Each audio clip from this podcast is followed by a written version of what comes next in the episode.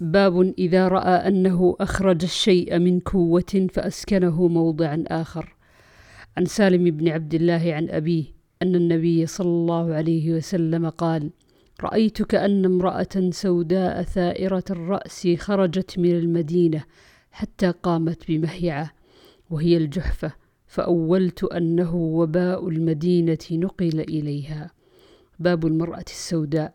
عن عبد الله بن عمر في رؤيا النبي صلى الله عليه وسلم في المدينة أنه قال رأيت امرأة سوداء ثائرة الرأس خرجت من المدينة حتى نزلت بمهيعة فتأولتها أن وباء المدينة ينقل إلى مهيعة وهي الجحفة. باب المرأة الثائرة الرأس.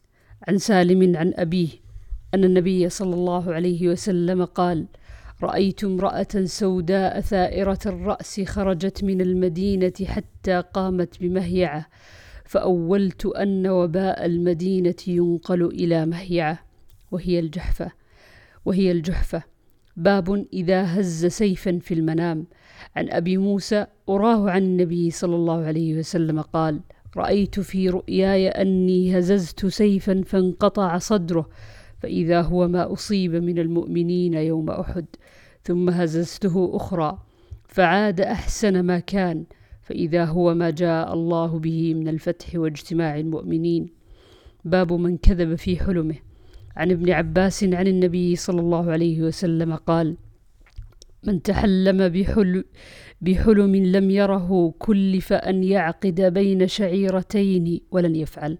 ومن استمع إلى حديث قوم وهم له كارهون أو يفرون منه صب في أذنيه الآنك يوم القيامة.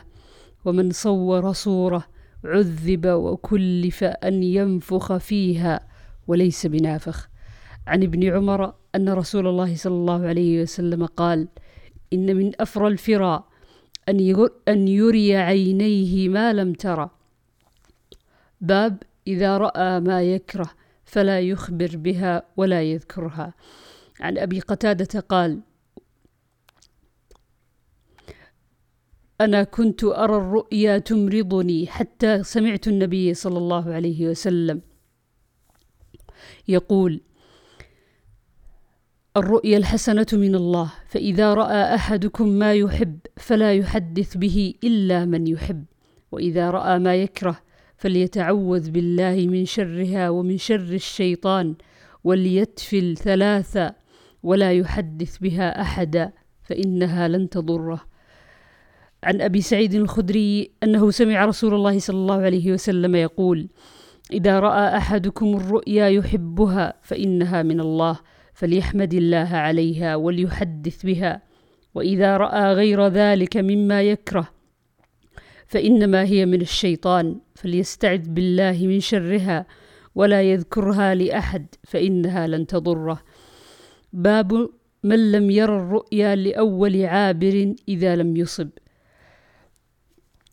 عن ابن عباس رضي الله عنه أنه كان يحدث أن رجلا أتى رسول الله صلى الله عليه وسلم فقال إني رأيت الليلة في المنام ظلة تنطف السمن والعسل فأرى الناس يتكففون منها فالمستكثر والمستقل وإذا سبب واصل من الأرض إلى السماء فأراك أخذت به فعلوت ثم أخذ به رجل آخر فعلا به ثم أخذ به رجل آخر فعلا به ثم أخذ به رجل آخر فانقطع ثم وصل.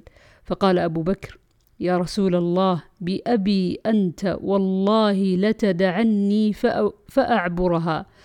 فقال النبي صلى الله عليه وسلم له أعبرها.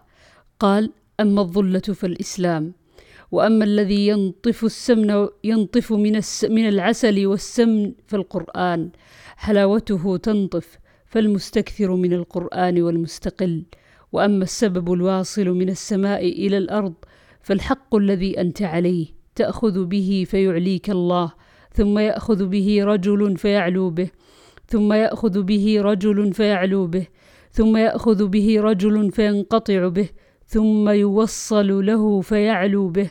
فأخبرني فأخبرني يا رسول الله بأبي أنت أصبت أم أخطأت؟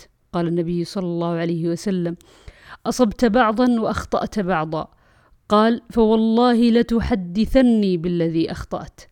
قال لا تقسم.